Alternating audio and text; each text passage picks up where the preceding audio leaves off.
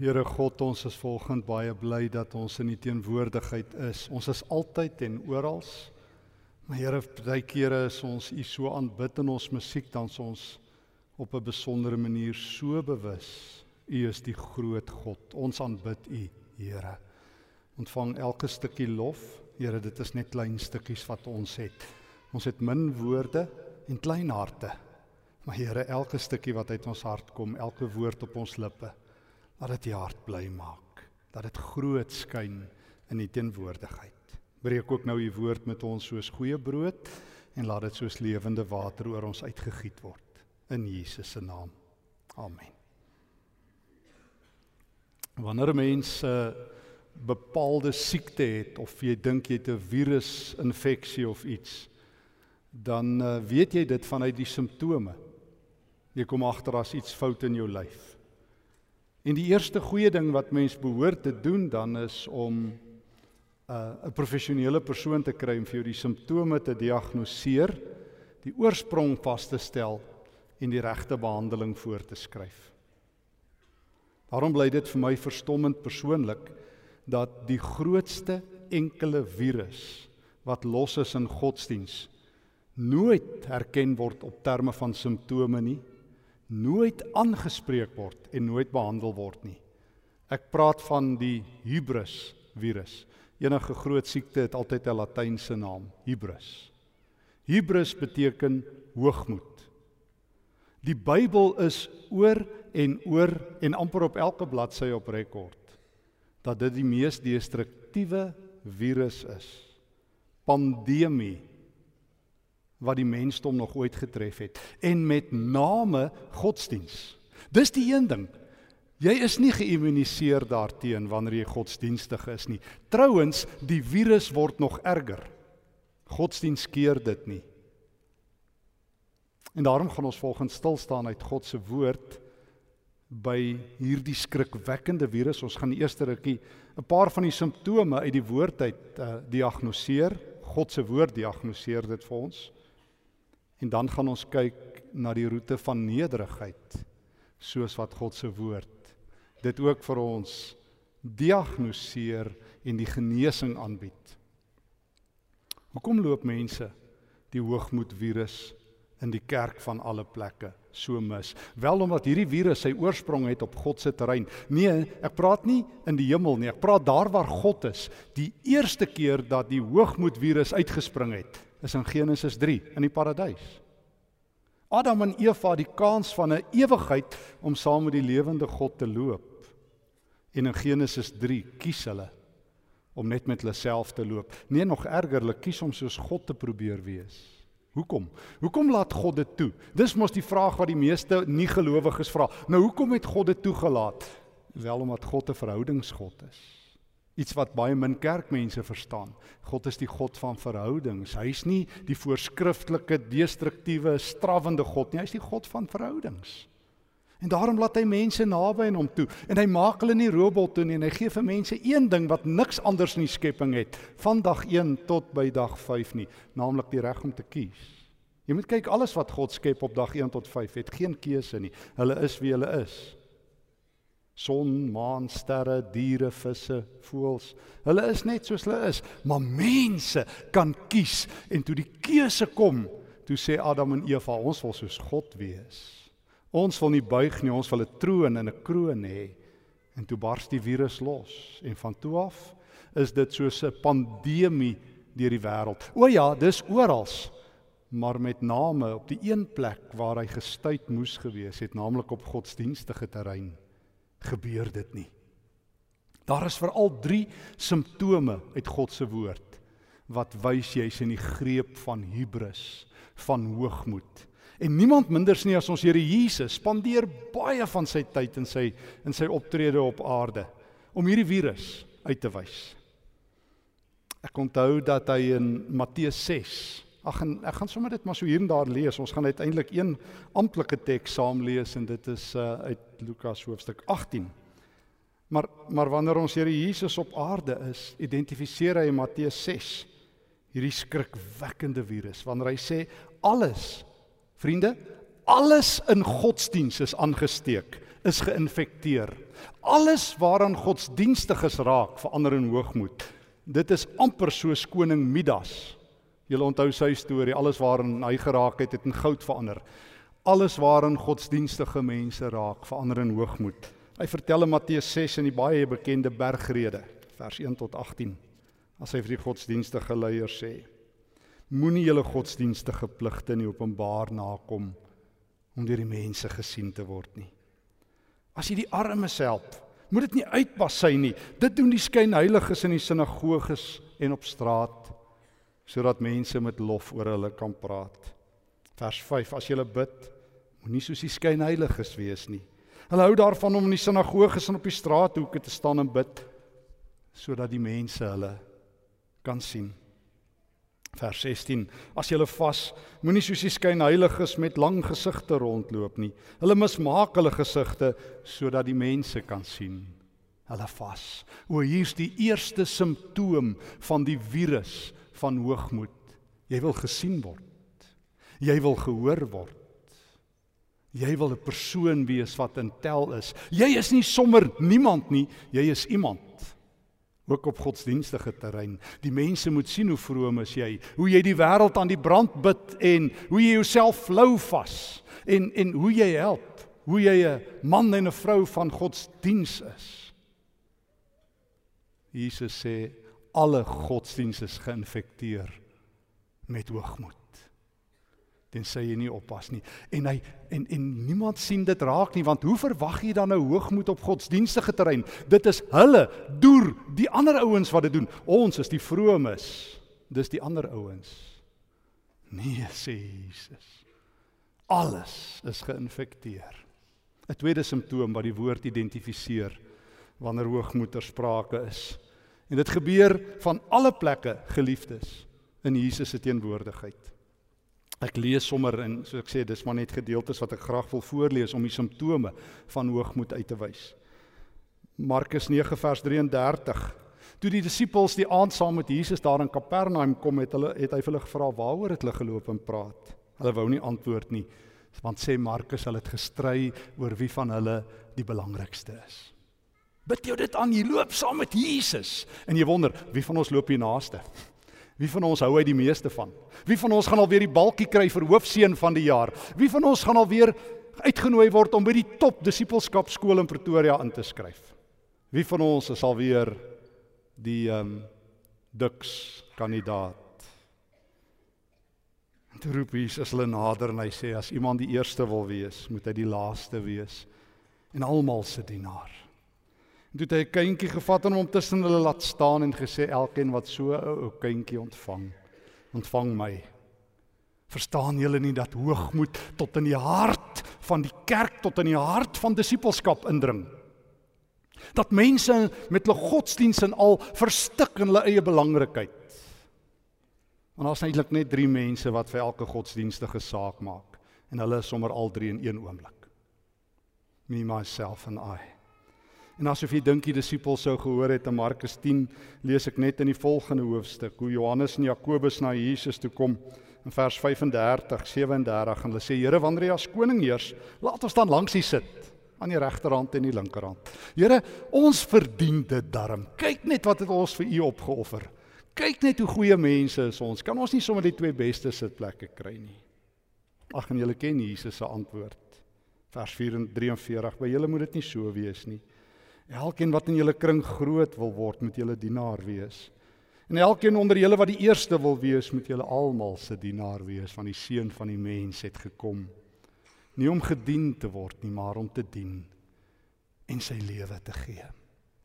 Nie net as alle godsdienstige handelinge geïnfiltreer moet hoogmoed nie. Gebed, vas, almoses, jy noem dit en die kans dat jy dit uit 'n hoogmoedige hart doen is min of meer 100%, sê Jesus nie net is alle verhoudings geïnfiltreer nie en is alle godsdienstiges al uh, besig om hulle self op te blaas nie.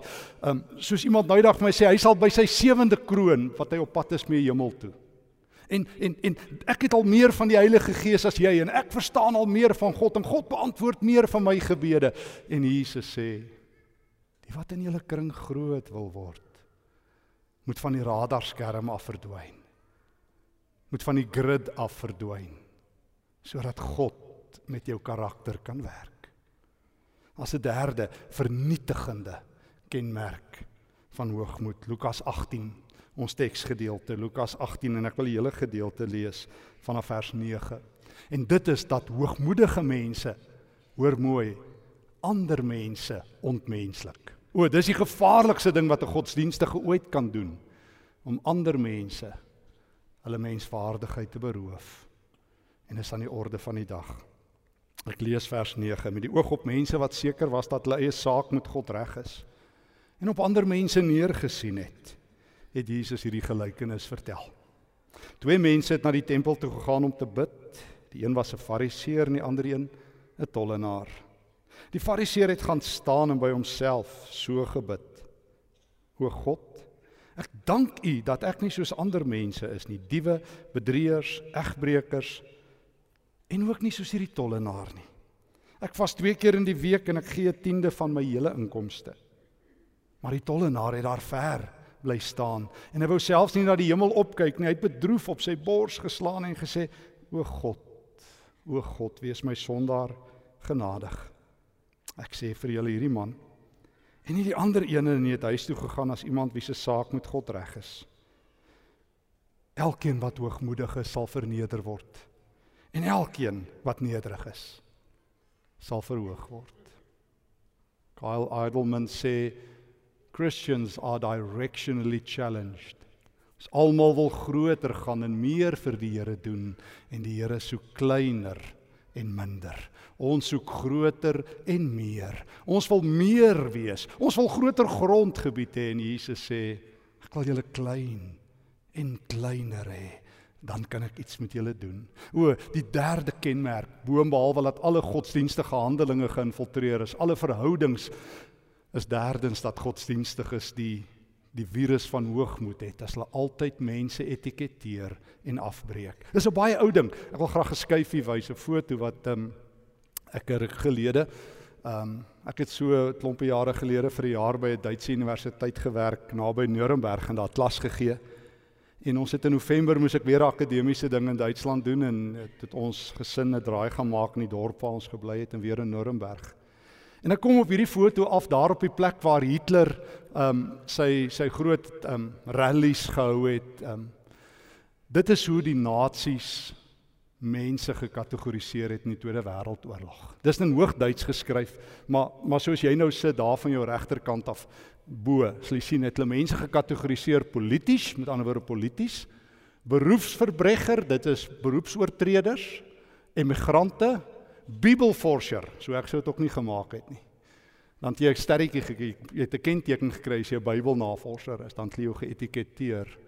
Um ek kan nou daai een nie so lekker lees nie. Um uh hy's bietjie onduidelik. O o ja, homoseksueel. As jy homoseksueel is, het jy jou streepies gekry en asosiaal, asosiaal. En dan is daar rangordes gewees, jy kan sien hier onder het hulle die Jode ook sterretjies gegee. So dit was nie net die Jode wat sterre gedra het nie. Die nasies het almal van wie hulle nie gehou het nie geetiketeer. En toe ek en my vrou en ons kinders daar in Nuremberg staan en ons kyk na hierdie toe sê ek dis wat apartheid met mense gedoen het. O, ons is so goed gewees om mense te kategoriseer. En ons weet almal nou hoe word kom ek sê dit maar. Ehm um, sekere ehm um, politieke ouens hou nou daarvan om mense van kleur, weer wit mense op 'n sekere manier te ontmenslik. Net soos wat wit mense daarvan hou om sekere swart mense te ontmenslik. Net so en dit sien ons nooit raak nie. Is godsdienstiges meesters om mense te kategoriseer. Hulle sondaars, verlorenes, die gays, jy noem dit en ons het kategorieë.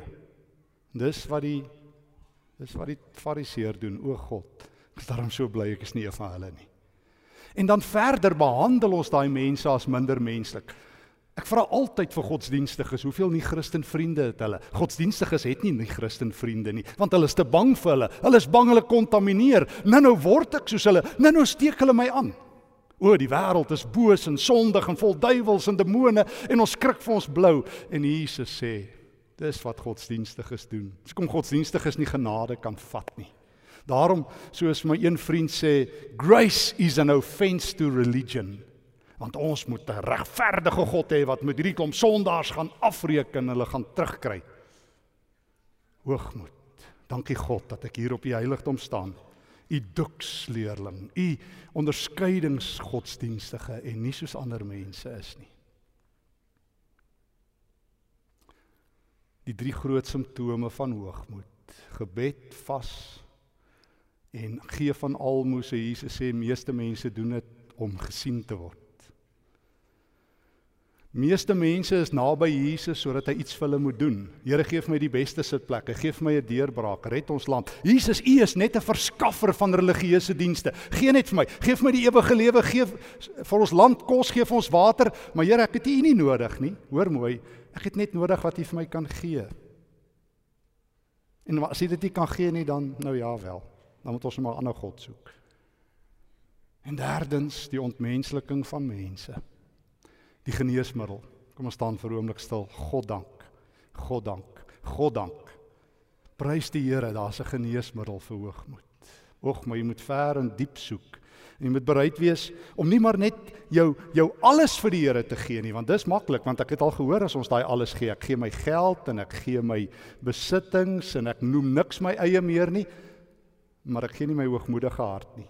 Ek het nog nooit in Suid-Afrika, nog nooit in die wêreld gehoor dat synodes bymekaar kom en kerke saamkom om wat hoogmoed toeneem nie. Ek het nog nooit gehoor as die ouens sê dit gaan goddeloos in die land dat mense gesê het hoogmoed is die grootste probleem nie. God sê dit. Gaan lees Maria se gebed in Maria in amper ek Maria in Lukas 1 vanaf vers 46. Sy sê Here, U sal die hoogmoediges vat en van hulle trone afgooi. Gaan lees Jakobus in Jakobus 4 dat God sê ek kan hoogmoedige mense nie uitstaan nie. God se woede is die hoogste van alle sondes. Veral omdat dit in godsdiens loop. Hoogmoed. Want hoogmoedige mense sien nooit hulle self raak nie. Hoogmoediges weet altyd waar die probleem elders lê. Ons is op die morele hoë grond en ons sal hulle help. Maar ons eie harte, soos Jeremia 19 sê, is onbetroubaar bokant alle dinge. Die geneesmiddel vir hoogmoed. God groter, ek kleiner, ander mense groter. Dit sê die Bybel. God groter, ek kleiner, ander mense groter. God groter. Ek ek ek lees sommer net en ek gaan dit net vir jou voorlees as as Jesaja op die toneel verskyn, die groot profeet in in die tyd van koning Osia in die 6ste jaar, 7de jaar van hom, eerste jaar van hom. Dan roep Jesaja hierdie baie bekende woorde uit. In die jaar van ek lees sommer uit Jesaja 6 vers 1. Jesaja het God groter gesien, as kom God hom kon gebruik. In die 6ste jaar, in die jaar van koning Osia se dood, het ek die Here gesien. Godsdienstiges wil net hê ander mense moet hulle sien, onthou jy? Jesaja sê ek het die Here gesien. Hy het op 'n baie hoë troon gesit en die onderste van sy kleed het die tempel gevul. By hom was daar serafs om hom te dien en elkeen het ses vlerke gehad. Met twee het hy sy gesig bedek. Met twee sy voete en met twee het hy gevlieg. Die serafs het mekaar telkens toegeroep: Heilig, heilig, heilig is die Here, die Almagtige. Die hele aarde is vol van sy teenwoordigheid. Toe het Jesaja uitgeroep: "Dit is klaar met my. Ek is verlore. Elke woord op my lippe is onrein. Ek het die Almagtige gesien, die koning, die Here." Eeue later, baie eeue later in Openbaring 1, loop die apostel Johannes in Jesus vas op die eiland Patmos. Dit was die Jesus saam met wie hy geëet het en ge, en geleef het. Maar as hy die stem van die Here agter hom hoor, vers 12, ek het omgedraai, Openbaring 1 om te hoor wie dit is wat met my praat. En toe het ek ehm um, sewe goue staanlampe gesien en tussen die lampe iemand soos die seun van die mens. Hy het 'n lang kleed aangetree en 'n goue band om sy bors. Die hare op sy kop was wit soos wol, soos sneeu en sy oë soos vuur gevlam. Sy voete was soos geel koper wat in 'n smeltoond gloei en sy stem soos die gedruis van 'n watermassa. In sy regterhand het hy sewe sterre gehad en 'n skerp swaard met twee snykante het uit sy mond gekom. Sy hele voorkoms was soos die son wat op sy helderste skyn. Toe ek hom sien, toe ek hom sien soos Jesaja het ek neergeval en bly lê soos een wat dood is. O om God groot te sien. O ons het so familier geraak met God dat ons sommer net so kan bid en sommer net so oor God kan praat. Ons kan sommer net so ongenooid instorm in sy teenwoordigheid want ons God is so klein en hy sit mos net reg om te hoor. Hy nee. Wanneer wanneer Jesaja staan, dan val hy neer en hy kyk totdat hy God groot sien. Nie die familiêre maklik om die, om meer om te gaan God nie. Die God wat ek sommer so by 'n tafelgebed kan aanroep en so by 'n opening en so voor ek gaan slaap, ook mag. Maar hoogmoedige mense doen dit sommer so onnadenkend. Wanneer jy in die teenwoordigheid van die lewende God is, sidder jy.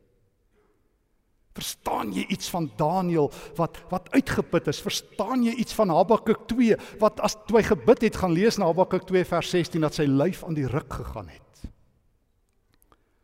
Verstaan jy iets van Habakuk 2 vers 20 nadat nadat hy die almag van God gesien het terwyl hy in hoofstuk 1 so gekla en gemurmureer het toe hy nog 'n verbruiker hoogmoedige godsdienstige was en uiteindelik in die lewende God vasloop en neerval en stil bly soos Habakuk 2 vers 1 tot 4 om leer kom hy in Habakuk 2 vers 20 met die grootste teks wat niemand lees nie. Wanneer die Here sê die hele wêreld moet stil wees en weet dat ek God is. Die hele wêreld moet stil wees. O nederigheid begin daar wanneer jy stil word en kleiner word. Ek onthou altyd die verhaal wat ek gelees het van van Aslan die leeu in ehm um, C.S. Lewis se verhaal. Uh een van sy verhale waar Aslan wat Christus voorstel en die jong dogtertjie mekaar na ruk Lucy mekaar raakloop. En as Aslan vir Lucy sien dan sê hy vir haar welcome child he said. Aslan said Lucy, you're bigger That's because you are older, little one, answered he. Not because you are, I am not. Want hy is die Here, hy verteenwoordig Christus wat is wie hy is. But every year, little one, you grow, you will find me bigger. O, ek is altyd groot sê die Here, maar hoe meer jy groei in nederigheid, hoe groter sal ek word. Daarom sê Jesus in Johannes 15, as jy in God bly, sal jy vra net wat jy wil hê en dit kry.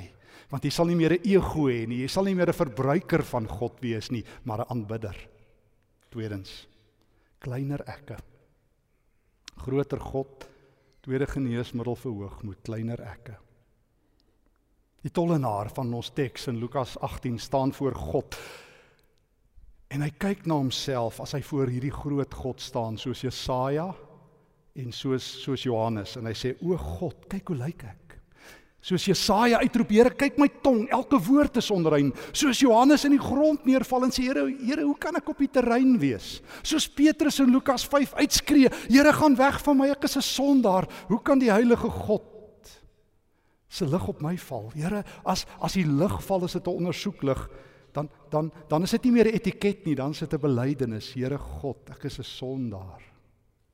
Hoor mooi, die godsdienstiges etiketeer anders so. Dis iets anders as jy voor God staan. En die lig van die Gees val op jou en jy kyk en jy sê: "O Here, kyk my hande. Wat het ek dit gedoen? Here, hoe kan ek hierdie hande ophef na U?" O Here, kyk hierdie lippe. In die week het ek gelaster daarmee. Het ek gevloek, het ek twyfel gepraat. O Here God, hierdie voete van my. Kyk my voetspore, Here, waar lê hulle? Here, ek is so jammer. O Here, wie is ek? Ek skaal. Here, ek het niks vir U te gee nie. Kleiner ekke, altyd. Liter het my geleer dat elke keer as jy voor Christus staan, dan staan jy nakend. Moet niks om aan te bied nie, o behalwe wat jy verkeerd gedoen het. En dan vlug jy na Christus toe en sê o my Here, as U my kan help. Want as U my nie kan help nie, is ek waaragtig verlore. Ek vlug na die Here toe, wie se lig op my val. Kleiner ekke. Ek het ook geleer om vir myself in hierdie proses wat so moeilik is. O, ek kan alles weggee. Ek kan my geld gee soos Paulus sê, ek kan my tyd gee 1 Korintiërs 13. Ek kan baie dinge vir die Here gee, maar my hoogmoedige hart hou. Ek kan my alles op die altaar sit, maar Here, net nie my hart nie. Net nie my vol ek nie. Here, ek is so vol van myself. Net nie dit nie. Daarom vra ek vir myself elke week die vraag van Bob Goff waar hy skryf will you take what you think defines you? Leave it behind and let Jesus define who you are instead. Sal jy alles vat wat jou identiteit bepaal jou werk jou posisie jou alles? Sal jy dit opruil? Sê Jesus. O is maklik om ja te sê. Hoor mooi godsdienstiges doen dit net so. Here maar wat gaan ek nou daai kry? Is die volgende vraag. Paulus het 'n doodsvonnis gekry Johannes en Jakobus het 'n lydingsbeker gekry toe hulle vir Jesus die beste plekke gevra het. En 'n paar maande of miskien 'n jaar of wat later is Jakobus vermoor in Jerusalem Handelinge 12. En Stefanus, toe hy gesê het Here, sal U my definieer? As hy met klippe buitekant Jerusalem doodgegooi. Moenie te gou jouself afteken aan die Here nie. Wees versigtig. Prediker 4 vers 17 tot 5 vers 2. Moenie te gou beloftes aan God maak nie. Hy's in die hemel en jy's op die aarde. Moenie met jou hoogmoedige hart voor God staan en dink hy skuld jou nie. En ander mense groter, die laaste een. Filippense 2 vers 5. Van die mooiste tekste in die Bybel. Die een moet die ander een hoër ag as homself, skryf Paulus. Jy moet leer opkyk na mense. C.S. Lewis sê solank soos jy afkyk, kan jy nooit opkyk nie. Probeer dit. Solank soos jy afkyk, kan jy nooit opkyk nie. Maar die dag as jy langs Jesus, want hy kan jou leer, want dis wat Jesus gedoen het. Die koning van die hemel het so laag gekom. Hy het so laag ingekom dat hy nie 'n keuse gehad het nie as om in 'n krib te lê en op te kyk. En soos hy opgegroei het, opgekyk na mense. So het sy vader hom nederigheid geleer en geleer en geleer sodat hy sy lewe lank opgekyk het. En aan die kruis die hoogste opgekyk het toe hy net ons sondes gesien het en gesê het gee dit vir my. Om op te kyk na mense. Totdat jy hulle menswaardigheid erken totdat hulle nie meer die sondaar die ateïs die duiwel aanbidder die gay jy noem dit wat jy hulle wil kategoriseer. En totdat jy 'n mens sien wat God nodig het. Want Jesus sê ek gaan julle op die laaste dag vra of jy my raak gesien het. Onthou jy Matteus 25:31 tot 46? Gaan op die laaste dag vra of jy my gesien het in die arme, die vreemdeling, die tronkbewoner, die verwerpte.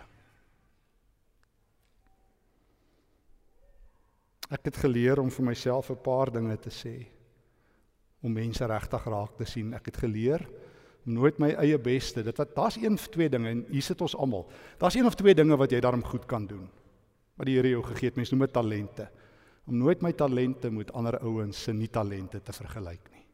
In ander taal, ek het geleer as ek mense wil eer, moet ek nooit my beste met hulle slegste vergelyk nie. Die Here het vir my 'n gawe gegee en ek moet dit tot sy eer. Dis niks spesiaal nie. Die Here het vir my 'n talent gegee om goed te kan onthou. Ek kan dit baie maklik misbruik. Ek kan dit tot my eie eer misbruik en vir ouens wys. Maar God sê dien mense daarmee. En moet nooit mense wat vergeetagtig is vergelyk nie. Dit is net 'n talent, Stefan. En as jy dit vir jouself gebruik, gaan dit jy dit misbruik en gaan jy skande oor my koninkryk bring. Dien mense. Die Here het vir my geleer om buitengewoon in mense belang te stel want ek stel buitengewoon in myself belang. Ek is selfsugtig. Ek weet nie vir julle nie, ek is die selfsugtigste mens wat ek ken. Ek leef net vir myself as die Here nie my werk nie. O, ek kan beplan vir my toekoms en ek kan alles doen net vir myself. Ek kan my geld op myself uitmors. Ek is jammer dat ek julle teleurstel. Ek moes dit nie begin gesê het. Ek moes my spreekwoord nie begin gesê het. Disappoint them early. Nou dis stel ek julle teleur. Maar maar die Here weet ek het 'n onbekeerlike hart. Daarom moet ek elke dag in Jesus se arms kom en vir hom sê Here, leer my om aan ander mense buitengewoon belang te stel. En hou dametjie by die til, die ou wat vir jou kos gee, die petrol joggie, jou vriende. O, jy kan nie alles doen nie. Jy gaan nooit tyd hê vir iets anders nie. Maar gaan net 'n tree verder. Stel net belang. Ek oefen myself en dis vir my moeilik om nie altyd die laaste woord in te kry nie. Veral die afgelope week op my Facebookblad was dit moeilik om nie die laaste woord in te kry nie want ek wil altyd mense reg sien. Ek moet altyd die laaste woord hê en ek kom agter dis die groot kenmerk van hoogmoedige mense. Ek is nooit verkeerd nie, ek is altyd reg. O Here, Leer my om nie altyd die laaste woord in te hê nie. Leer my nie om my eie ego te verdedig nie. Leer my nie om wanneer mense my verkeerd verstaan hulle af te skryf nie. Leer my dat terwyl ons besig is om mekaar af te skryf, U ons opskryf in genade. Leer my dat U mense nie afskryf nie, maar opskryf in genade. Leer my die hart van Christus, die sagte hart.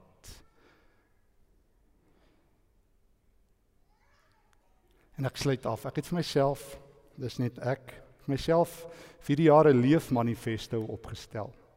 Ek oortree dit baie, maar ek probeer dit baie gereeld lees. Want die Here weet die grootste karaktervorming wat in my lewe moet plaasvind is nederigheid. Die grootste virus wat in die pad van die Here staan is hoogmoed.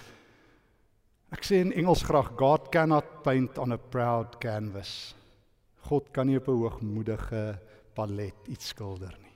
God kan niks met 'n hoogmoedige hart doen nie, want ons is vol van onsself. My leefmanifesto, dan se klaar om Christus met alles in my na te volg. Om goed te doen in Jesus se naam sonder om ooit iets terug te verwag. Om ander mense geestelik ryk te maak al is ek self en al voel ek self geestelik brandarm. Om vrygewig te leef. Om 'n voltydse leerder te wees wat fyn oplet, luister en 'n verwondering leef om te doen wat ek moet doen waarvoor die Here my geroep het sonder om alles vir almal te wees. Om vrede te maak met die feit ek sal sommige mense teleurstel en nie opleef van almal se verwagtinge nie. Om alle mense altyd met deernis en belangstelling en respek te behandel. Om te sorg dat die twee woorde askies en mooi, mooi so 'n deel uitmaak van my woordeskat. En laastens om vergeetagtig te wees wat my eie behoeftes en belange betref. O mag Christus my leer dat om eerste te wees, ek laaste sal wees. Mag hy my help wat so soos Karl Eidelman sê directionally challenged is, wat so altyd net groter en beter en vooruiter wil gaan. Dat by Jesus die pad van vooruitgang kleiner, minder en nederiger is. Want Christus kan verf op 'n nederige palet. Amen. Here, asseblief help my daarmee. Help ons elkeen daarmee om niks te wees nie sodat jy alles kan wees.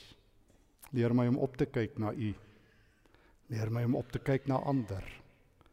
Leer my om langs die tollenaar te staan en te sê: "O Here, wees my sondaar genadig."